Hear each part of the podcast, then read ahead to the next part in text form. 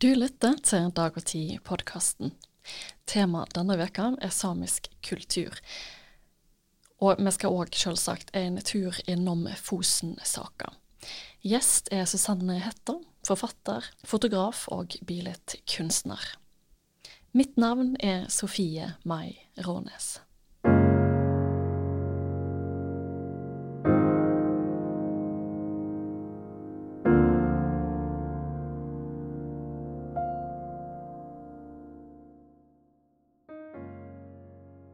Hvordan er det å vokse opp mellom to kulturer? Da skriver du, Susanne Hetta, om. Velkommen. Tusen takk. Du er forfatter, fotograf og billedkunstner, og skribent her i Dag og Tid. Og gjennom tre portrett av besteforeldre og foreldre dine, som både er samiske og norske, så spør du hvem du er. Og vi skal ta for oss den første delen i dag, som kom ut forrige uke, 24. mars. Der skriver du om de samiske besteforeldrene dine i Siebe, Susanne og Daniel. Og du skal fortelle oss om Siebe, eh, og vi skal bli bedre kjent med samisk kultur gjennom besteforeldrene dine. Og selvsagt hva motivasjon du har for å skrive disse artiklene. Men aller først. I tillegg til denne serien så skriver du nå i den nyeste utgave av Dag og Tid en kommentar om vindkraftanlegget på Fosen. Ja. Høyesterettsdommen har slått fast at utbygginga av anleggene krenker retten samene har til kulturutøving. Aksjonister de demonstrerer og blokkerer nå flere departement. De vil at vindturbinene skal rives. Du er engasjert i denne her saka her, og jeg må bare spørre deg, hva mm. mener du? Jeg står på samme side som uh, aksjonistene i denne saken. Um, og bare det at det pågår menneskerettsbrudd hver eneste dag, hver eneste time, hvert eneste minutt, og det har gjort det i over 500 dager, er jo egentlig ganske uhyrlig. Og um, det at det skjer overfor en minoritet i Norge, uh, urfolket, samene, det er ekstra ille nettopp fordi at det finnes internasjonalt vern for uh, urfolkskulturer. Eh, og det at da regjeringa eh, på en eh, elegant måte kan se bort fra en høyesterettsdom i denne saken, det er intet mindre enn skandaløst. Og det blir jo også lagt merke til internasjonalt, det her. Men du mener altså at vindturbinene skal rives? Ja. Vindturbinene skulle ikke være der til å begynne med. Konsesjonen var gitt ulovlig, og ekspropriasjon er derfor ulovlig. Området er på mange måter ødelagt. Eh, det er bygga masse mil med vei inn i området. Og turbinene eh, er selvfølgelig um, Altså, de ødelegger for bruken og næring, og dermed samisk kulturutøvelse. Så de må faktisk bort. Det har jo kosta seks milliarder kroner å sette disse opp. Er det ikke fornuftig å heller få til avbøtende tiltak? Nei, det er ikke det. Reindrifta er ikke en næring der du kan sette dyr i fjøs og fôre de i stedet for. Da er det ikke reindrift mer. Eh, det er heller ikke spesielt eh, bærekraftig eller økologisk, sånn som reindrifta faktisk drives nå. Så man kan ikke si Altså her setter du en verdi eh, i penger eh, som settes opp mot mennesker sine liv og mennesker sin kultur, sin levemåte. Reindrift er ikke bare kjøttproduksjon og arbeid, det er liv. Og hvis de da skal sette en pris på turbinene, så bør de også da kunne sette pris på hvert sørsamisk menneske. Jeg har ikke sett at de har gjort det. Det er jo reindriftssamene som har fått veldig mye oppmerksomhet nå. Det er jo andre sider ved samisk kultur enn reindrift. Mm eh, språk, f.eks., mm. sjøsamer. Får de for mye oppmerksomhet, reindriftssamene? Nei, det, det, vil jeg ikke si. Eh, det er jo ofte de som eh, på en måte står i frontlinja og er nødt til å gå i krigen for å forsvare vår kultur, nettopp fordi at de, de bruker arealene. Reindrift eh, bruker store arealer. Det er ikke på samme måte som et, et, et beiteområde som er gjerda inn, som blir brukt uh, hvert år av noen. Det er uh, skiftninger av områder, uh, skiftinga av beiteområder over store områder. Og det er luftingsromområder, det er kalvingsområder, det er trekkområder. Altså de brukes til, til ulike ting. Men det er klart, reindrifta og de som driver med rein, de blir dermed veldig synlige. De blir representanter for hele den samiske kulturen, enten de vil eller ikke. Uh, men vi, veldig, vi, andre vi setter veldig pris på at de går i krigen for oss, og vi må bare stå bak og støtte og hjelpe og verne dem. Samtidig som vi også forteller om andre samiske liv, eh, som også kan være knytta til rein som et utrolig viktig dyr som fundament og bærebjelke i den samiske kulturen, selv om det ikke er like mange som eier rein i dag. Men det er også historiske årsaker til at min familie ikke eier rein, for vi har eid rein. Fastboende eide rein, sjøsamer eide ofte rein. Men i 1978, med den reindriftsloven som kom da, så ble reinmerkene sletta til alle som ikke flytta med rein og var nomadiske. Eh, så det var jo også en stor urett som ble begått, som skar over mange bånd mellom både reineiere og sjøsamer, reineiere og nordmenn, og reineiere og fastboende samer. Så de mister rett, rett, og slett retten til å eie rein? Ja, rett og slett. Og pappa hadde jo reinmerke, og selvfølgelig bestemor, bestefar og tantene og onklene mine. Så um, det var ingen reinmerke for meg å arve. Vi skal komme tilbake til besteforeldrene dine, da, som er fokuset uh, i denne podkasten. Ja. Men jeg har ett spørsmål til om denne Fosen-saka. Um, samene de lever jo moderne liv nå. Mm. Likevel så har de urfolks retter. Mm. Hva tenker du om det? Jeg tenker at det er en sannhet med modifikasjoner. Eh, fordi selv om vi lever relativt moderne i det ytre, så er kultur det er jo noe som sitter inni hodene våre. Det er noe som ligger i kroppene våre. Det går på hvordan man tenker, hvordan man fører seg, hvordan man nettopp beveger seg også i denne moderne verden. Eh, og det ene utelukker slett ikke det andre. Eh, og det er jo som å si at, at eh, på en måte eh, bønder er ikke ordentlige bønder mer fordi de har melkeroboter og bruker iPad i fjøset eller GPS-sporing av sauene sine. Det er en urgammel næring, og den er verdifull, akkurat som den samiske kulturen også er det, selv om vi også bruker iPhone og, og, og snøscootere ja, Fosen-saka handler om, eh, om, rettene til urfolk, rettene til samene. Identitet er vel kanskje et viktig stikkord her. Mm. Og hvis vi nå går, går vekk fra Fosen-saka og så over på disse artiklene som du skriver for Dag og Tid nå, om familien din, eh, som jo er hovedtema i denne podkasten. Ja. Uh, vil gjerne gå over på, på det temaet, og lurer først på hva motivasjonen din har vært for oss å skrive disse artiklene om, om besteforeldrene og foreldrene dine. Ja, det er ganske komplekse sammenhenger her.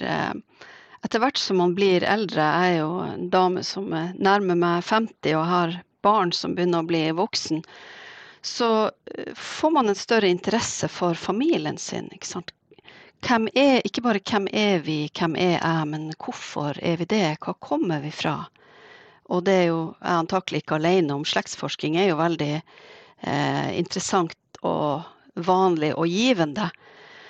Eh, og i og med at jeg hadde skrevet en artikkel for et par år siden om, om den samiske joiken, den vok samiske vokaltradisjonen for dag og tid, eh, så så ble det til at jeg tenkte hvorfor ikke lage en portrettserie om min familie? Fordi at jeg har en erfaring som mange andre har med å vokse opp mellom to kulturer. Men egentlig så vil jeg jo si at jeg, jeg vokser opp i to kulturer. Det norske kan jeg jo uansett ikke velge bort. Jeg bor jo i staten Norge, og det jeg omgir meg med, det, det er jo norsk, og det er vestlig. Men inni hodene våre så er man jo ikke norsk. Jeg føler meg ikke så veldig norsk, annet enn når Norge gjør det godt i, på fotballbanen f.eks. på landskamper. Da er jeg veldig norsk. Veldig patriotisk. Men, men utover det så, så, kjente jeg at jeg trengte å skrive noe om det å være tokulturell, om å være flerkulturell.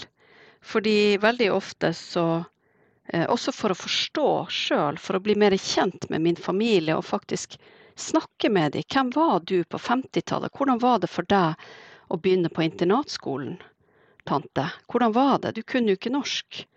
Hvordan var det for mine besteforeldre og, og når krigen kom, andre verdenskrig? Altså å prøve å finne tilbake til hvem var vi, og hvem er vi nå? Um, så, så, ja, det er veldig sammensatte motivasjoner, egentlig. På hvilken måte tenker du at fortellingen om, om, din familie kan være verdifull for andre? Ja, Det har jeg tenkt mye på. fordi at uh, Det skrives jo veldig mye fra personlig synspunkt, uh, både på Facebook og det skrives bøker og biografier som har null og niks å si til noen andre. Uh, for å si det rett ut. Så jeg tenkte mye på hva er det ved denne historien som er interessant for andre å lese. Det som er med Dag og Tid, det har andre lesere enn enn jeg tidligere har hatt med det jeg skriver. Jeg har jo skrevet bøker om samisk kunst og samisk kultur og historie. Nå et, jeg vil gjerne nå et nytt publikum. Jeg vil gjerne også vise hvordan kan et samisk liv være. Hvordan kan eh, en norsk og en samisk familie forme eh, forme meg inn i det samfunnet som jeg vokser opp i? Hva er forhistorien? Hvordan, hvordan, eh, hvordan var, levde folk på et samisk småbruk på 30-, 40-, 50-tallet? Sett i forhold til min norske familie og det småbruket de hadde på Andøya i Vesterålen i den samme tidsperioden. For mine foreldre kommer begge fra småbruk. Eh, et samisk og et norsk. Hva er forskjellene, hva er ulikhetene? For jeg, jeg, ønsker i bunn og grunn å skape større forståelse for, for den samiske kulturen eh, hos eh, majoriteten i Norge, som sannsynligvis ikke vet eh, så mye i dybden om hva samisk kultur er.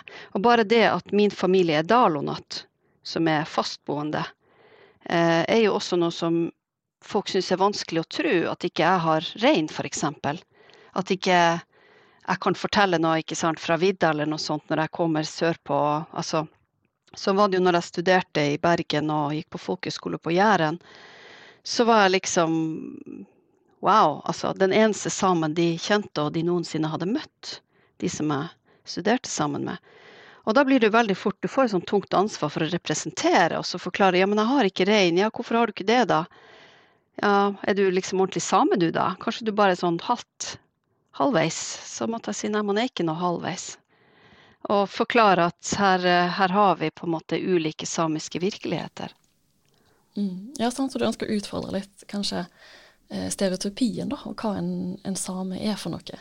Ja, absolutt. Og det er jo mange samer som har vært um, som heller ikke har hatt språket på mange generasjoner, har hatt samekofta på mange generasjoner, som har blitt voksne før de har skjønt at familien vår er jo faktisk samisk. Og mange, mange, veldig mange av dem eh, bor jo på kysten.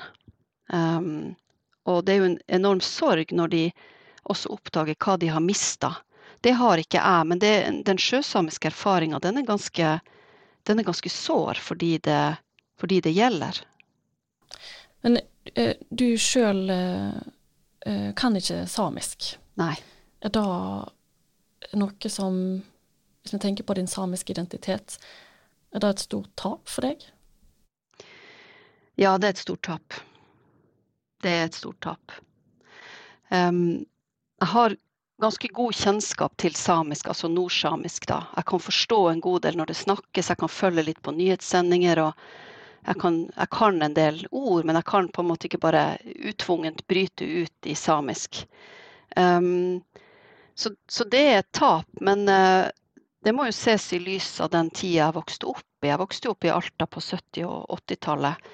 Midt i Alta-kampen, hvor man virkelig da skjønte altså Som barn så forstår du ikke det på en rasjonell måte, men du forstår det følelsesmessig inni deg at det å være same, det er noe virkelig galt. Det er noe virkelig det er noe feil med. Det er noe feil med oss.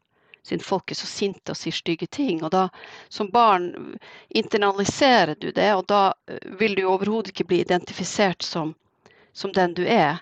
Og da snakker du ikke samisk, og du ønsker ikke å lære samisk, og du, du vender deg bort fra det. Og det er klart eh, et barn er jo ikke så sterk, sånn at man klarer ikke å stå imot det. Og det førte til at jeg ikke ville snakke samisk og ikke ville lære samisk, selv om jeg hadde litt samisk undervisning på barneskolen. Så, så kan man si at eh, ja, det, det, er tap, men det er, veldig, det er en veldig viktig del av meg nå.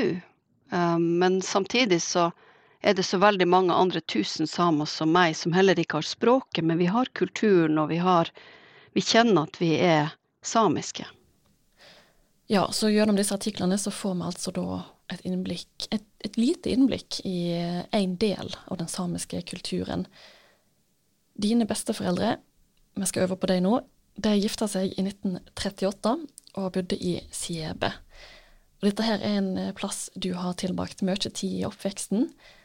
Kan du gi oss et bilde på hvordan, hvordan det er der, hvordan det ser ut, og hvordan det var å, å være der i oppveksten? Ja. Åh, det er jo så fint der. Det er jo så nydelig. Men det, når du kjører forbi med bil, hvis du kjører fra Kautokeino og sørover mot finskegrensen, så hvis du blunker, så har du nesten kjørt forbi, altså. Um, men det er merkelig nok er det stedskilt, både når du kommer fra den ene og den andre veien. Det er en sånn litt sånn flat uh, slette um, der elva som heter oskaljokka svinger. Um, og det er en del myrer, uh, men det er jo selvfølgelig drenert da, til og gravd grøfter til, til jordbruket, jordbruket, som er der. Um, og det er slake åser og vidder. Og, så du på en måte kommer ned en ganske sånn stigning når du kommer ned mot Sebe. Og så når du da forlater Sebe, så er det en bratt bakke opp igjen. Så du har på en måte vært på en sånn stor slette, da. Og det er litt sånn lav, litt bjørkeskog og litt krattskog og moltemyrer. Og, og, så er det da de her få husene som ligger spredt, omtrent som når du kaster en neve med terninger i yatzy, så er de spredt litt her og der, de husene. Som jeg sa, så var jo du der i oppveksten i Siebe. Mm. Og ja, sammen med besteforeldrene dine. Jeg får repetere navnet deres igjen. Susanna, eh, unnskyld, Susanne ja. og Daniel. Du er oppkalt etter bestemor di. Ja. Eh, hvordan var den samiske kulturen synlig hos, eh, hos deg? Ja, Det blir nesten som å si, si, igjen at ja, hvordan ser man at du er norsk når man går inn i leiligheten din, f.eks. Det er veldig vanskelig å svare på, fordi at det som Altså det omslutter en hele tida. Det var snakka samisk, vi spiste samisk mat. Det var Ja, og så var det fiske, og så var man ute og så hogde man ved, og så var det fjøs, og så var det gudstjenesten på samisk på radio, og så var det Altså det, det, er vanskelig å forklare, men det, et, det, er et samisk hjem. Tantene mine de bor der i det huset nå, da. Og det er en ting som er litt spesielt, som jeg når jeg ble eldre syntes var litt rart, fordi jeg forsto ikke hvorfor det ikke var sånn andre steder. Men vi tar aldri av oss skoene når vi går inn i det huset. Nei. Så det er også en sånn Fordi du er mye inn og ut, altså grensen mellom inn og ute er, er ikke så veldig tydelig på en måte når du fordi det er så mye som foregår ute på en gård, og når du driver utmarksnæring og fiske. Og, og noen av bildene i artikkelen er jo også um, tatt ute, da. Så på en måte, Og det var potetland, og man satt gjerne ute når det var fint vær, hvis bestemor skulle Ja, hvis hun holdt på f.eks. Um, når du skal lage sisti, det er altså semska skinn av reinskinn så, så, så, legger du de med hårene ned i et vann, f.eks. i vann i noen uker.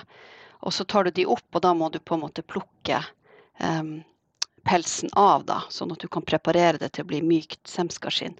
Og sånne ting så husker jeg at hun satt ut og gjorde, da, sånn at arbeid ble gjort både ut og, og innad. Det er kanskje derfor at man tok ikke av seg skoene.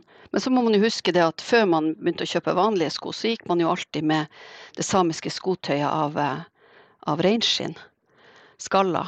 Eh, og det er det jo heller ikke Altså det er jo som å gå med de mykeste tøflene. Og det er jo ingen grunn til å ta dem av når man Så ofte når jeg går med Jeg hadde på meg skallene mine i dag når jeg sparka til butikken i morges.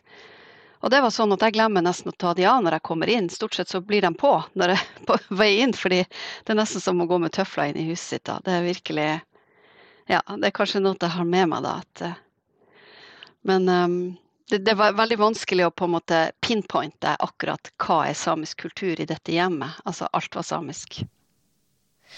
Hvem var disse besteforeldrene dine? De, eh, som jeg sa, ble, de gifta seg i 1938. Ja. Det er jo litt sånn stort spørsmål. Ja, altså jeg har prøvd å nærme meg det i uh, artikkelen i, i, Dag og Tid, som handler om de um, Og jeg kjenner jo de Når jeg ble kjent med de, når jeg ble født i 1975, så var jo de allerede pensjonister. Uh, men de drev jo gården og, og utmarksnæringa.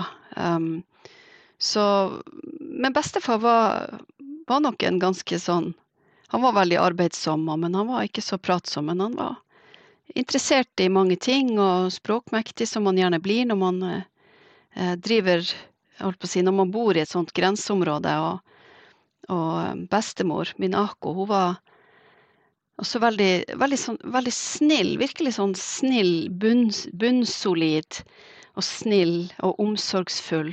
Og, og um, ga veldig mye. Um, og hun, hun var jo fra en handelsfamilie. Um, og pga. nærheten til Finland og at man handla med finlendere, så var jo deres første fremmedspråk var jo sannsynligvis finsk før det norske. Uh, og pappa sitt første fremmedspråk, det var jo også finsk, da. Han kunne jo ikke norsk overhodet når han begynte på internatskolen. Så, så det her med at du, du, på en måte uh, Du er vant til å bevege deg i mange miljøer, gjør at du blir ganske ganske smidig sånn sett, og du kan flere språk. Og bestefaren min han reiste jo også til Tyskland i 1930. Det er jo en historie i seg sjøl. Ja, jeg lurte på om du kunne fortelle litt om den, for han ble invitert eh, til Tyskland til en zoologisk hage der. Ja, ja tenk det. Ja. det jo... han, skulle ikke, han skulle da være på utstilling, ja. rett og slett. Um, det var, eh, det var, jo vanlig på både verdensutstillinger og man, mange andre eh, sånne hva skal jeg si, messer, dyrehager og tivoli at man hadde utstillinger med folk. Folkers, andre folkeslag, da. Eh, på den tida. Og, han ble sammen med mange andre samer fra, fra Finnmark, og muligens noen også fra Nord-Finland, ble da rekruttert til å være på utstilling. Og de reiste rundt i fire-fem tyske byer da, i løpet av mange måneder, um, blant annet Berlin. Og det er klart, da plukka han jo opp litt tysk. Uh, og han syntes jo det her var jo topp. Altså, OK, nå tar jeg litt hardt i. Det var nok ikke alt som var topp. Det var ikke det.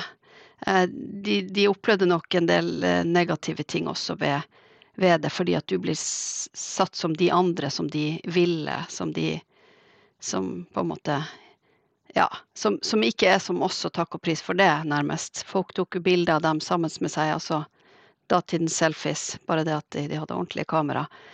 Men samtidig så var det, det var en betalt jobb. Um, de fikk mye fritid. De, hadde, de ble, mange steder ble de behandla bedre enn de, de, andre folkene som, uh, som var henta inn på utstilling. For folk fra Afrika og stammefolk fra Asia, f.eks. Så han hadde vel en eh, relativt grei opplevelse. Og for de pengene han tjente, så kunne han jo bygge ferdig hus og fjøse, sånn at han kunne gifte seg med Susanne.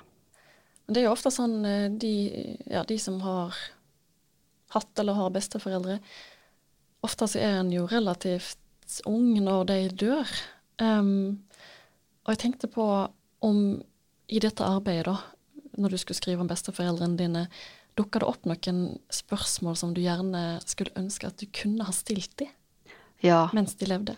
Ja, absolutt. De har jo ikke vært førstehåndskilder her. De, mine samiske besteforeldre, Daniel og Susanne, de gikk jo bort når jeg var 19 og 20 år.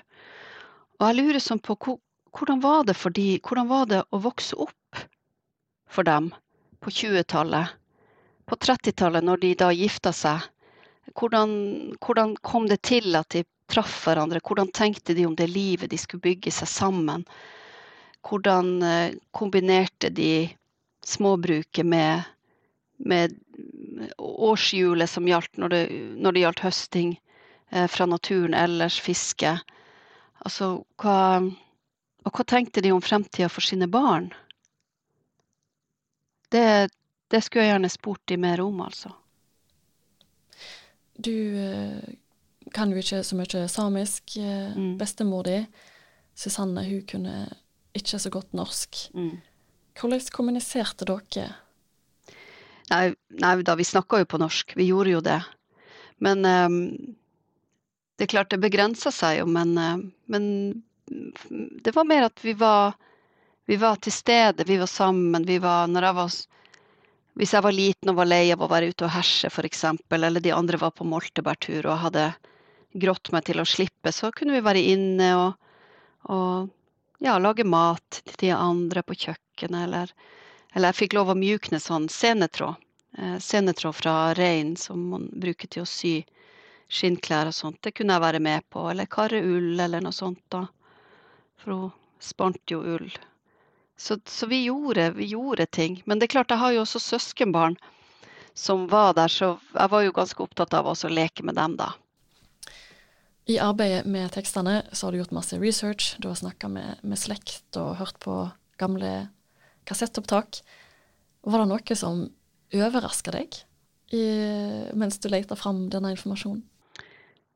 Ja, det som overraska meg, eller som var egentlig en sånn gledelig eh, opplysning eller, eller trekk ved bestemor som jeg fant ut, var at hun også var veldig, veldig glad i å lese. Hun var eh, en lesehest. Og jeg vet ikke så mye om skolegangen hennes, rett og slett. Men hun leste alt hun kom over. Hun var kjempeinteressert i det. Hun ønska å ta utdanning, men hun fikk ikke lov. For det var ikke det jenter skulle i en sånn familie da. Og, og, så hun leste masse. Jeg regner med at det er sånn hun har kanskje hovedsakelig lært seg norsk. Og så er det jo Det her er jo veldig eh, arvelig. Så pappa, han eh, er også en lesehest. Eh, og jeg er også en lesehest. Altså, jeg kan ikke gå en dag uten at jeg leser noe. Selv når jeg er på, på fjelltur eller fisketur, så har jeg med meg lesestoff. Altså, altså, en dag uten lesing, jeg kan ikke se det for meg. Og det er klart, det er jo, det er jo veldig tett knytta til, til skriving også. Så, eh, så det var noe veldig fint jeg oppdaga ved min familie. At det, det er ikke bare fra, fra morsfamilien at de har skrevet brev og, og lest en del. Det er også i, hos min, i min fars familie. Besteforeldrene dine de eh, gifta seg jo rett før krigen. Mm. Og eh, jeg lurte på om, om du fant noe informasjon om hvordan krigen påvirka deg? Ja, de ble jo påvirka av den eh, eh, på ett vis, men samtidig så er de, var de CB er så geografisk langt unna så veldig mye som skjedde i krigstida, så de fikk vel for en stor del være i fred. Men eh, det var nok en del tyskere innom nettopp også fordi at bestefar kunne litt tysk og kunne kommunisere med dem. Og jeg tror nok også at tyskerne eller jeg får heller si nazistene, da. og ikke alle som var tyske. Men nazistene også kom innom og, og kjøpte varer. Uh, og sikkert kjøpte melk og sånt. Og det kunne man jo ikke motsette seg. Men samtidig så, um, så beholdt bestefar våpenet sitt, jaktvåpenet sitt. Og det var jo ikke lov. Og det tror jeg de fleste i CB gjorde. De, de gjemte det, og det var jo forferdelig risikabelt. Eh, så de, de fulgte ikke alle påleggene, og iblant så det her vet jeg ikke, men jeg kan jo gjette på at de kunne late som om de ikke de forsto. Eh, ikke sant? At, eh, fordi, ja, når de ikke brydde seg om de forordningene og reglene som ble, ble gitt. Og det vet jeg mange reindriftssamer i området også. De, de, holdt, de, de klarte på en måte å De drev videre, og de, holdt seg liksom litt unna, og de lot som om de ikke forsto. Um, og når det da skulle, alle skulle tvangsevakueres i høsten 1944, så gjorde jo ikke bestemor og bestefar det. De, de eh, dro andre veien. De dro sørover over grensen til Finland og søkte tilflukt der i ei hytte på en øy. Eh, For der følte de seg tryggere. Selv om det området også skulle brennes, så sant, når, du er, når du kjenner et område, så vet du jo hvor du skal dra for å ikke bli oppdaga. Hvordan er det å være tilbake i Siebe nå? etter at besteforeldrene er borte? Eh, det er like nydelig som det alltid har vært, egentlig. Det er, det er jo en ny fase når de gikk bort. Det er jo nesten 30 år siden. Så jeg har jo ikke slutta å være i Siebe, men da har jeg vært der hos den ene tanta mi som drev gården videre. Jeg har vært på Og nå er det to tanter som bor der. Tante Solveig og tante Britt-Ellen. Og onkelen min der, onkel Johan Daniel og, og tante Ruth bor i et annet hus. Um, og jeg uh, og familien min, vi har to hytter der. Og det er det er som uh, når jeg kommer på hytta, så er det som om at jeg kjenner at, at den puslespillbrikken, den siste brikken i puslespillet, bare Der er den på plass i hjertet. Nå er jeg her jeg skal være. Her er mitt hjem. Avslutningsvis, eh, du spør jo hvem du er i denne serien. Um, har du blitt bedre kjent med deg sjøl? Har du funnet deg sjøl på en måte i arbeidet med disse tekstene? På en måte ja, og på en måte nei. Fordi identitet er ikke en fastsatt, fiksert størrelse eller enhet som bare Ja, liksom, der satt den. Der har du meg. Det er en uh, Identitet en prosess. Um, og, med, og den prosessen kommer jeg til å fortsette med i morgen. Dagen etter, dagen etter, dagen etter. Man er jo i kjernen den samme, men jeg vil jo likevel si at jeg er en annen enn personen da jeg var 25, åpenbart. Um, men jeg har lært enormt mye om familien min, om vanskelige ting og om de gode tingene. For jeg vil jo fortelle om de gode, fantastiske tingene eh, ved den samiske kulturen. Um, og til sammen så blir da de her tre essayene som jeg skriver om min familie, blir en slags omriss rundt meg. Når, når eh, arbeidet er ferdigstilt, så jeg, kanskje jeg kan si noe sånt som at konturene mine har blitt litt tydeligere for meg i denne prosessen med å skrive. For det har gått litt i rykk og napp, men jeg har holdt på i mer eller mindre halvannet år, faktisk.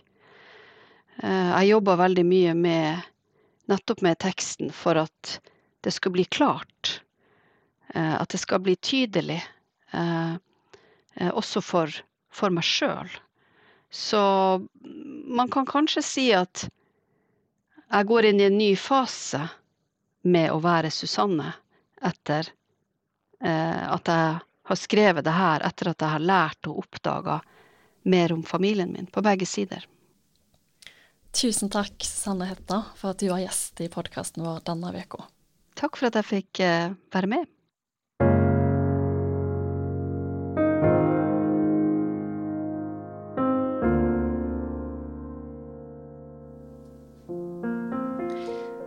De to første artiklene til Susanne Hetta, i tillegg til kommentaren om Fosen-saka, kan du lese i Dag og Tid. Er du ikke abonnent? Da kan du tinge et gratis prøveabonnement med automatisk stopp. Gå inn på dagogtid.no prov.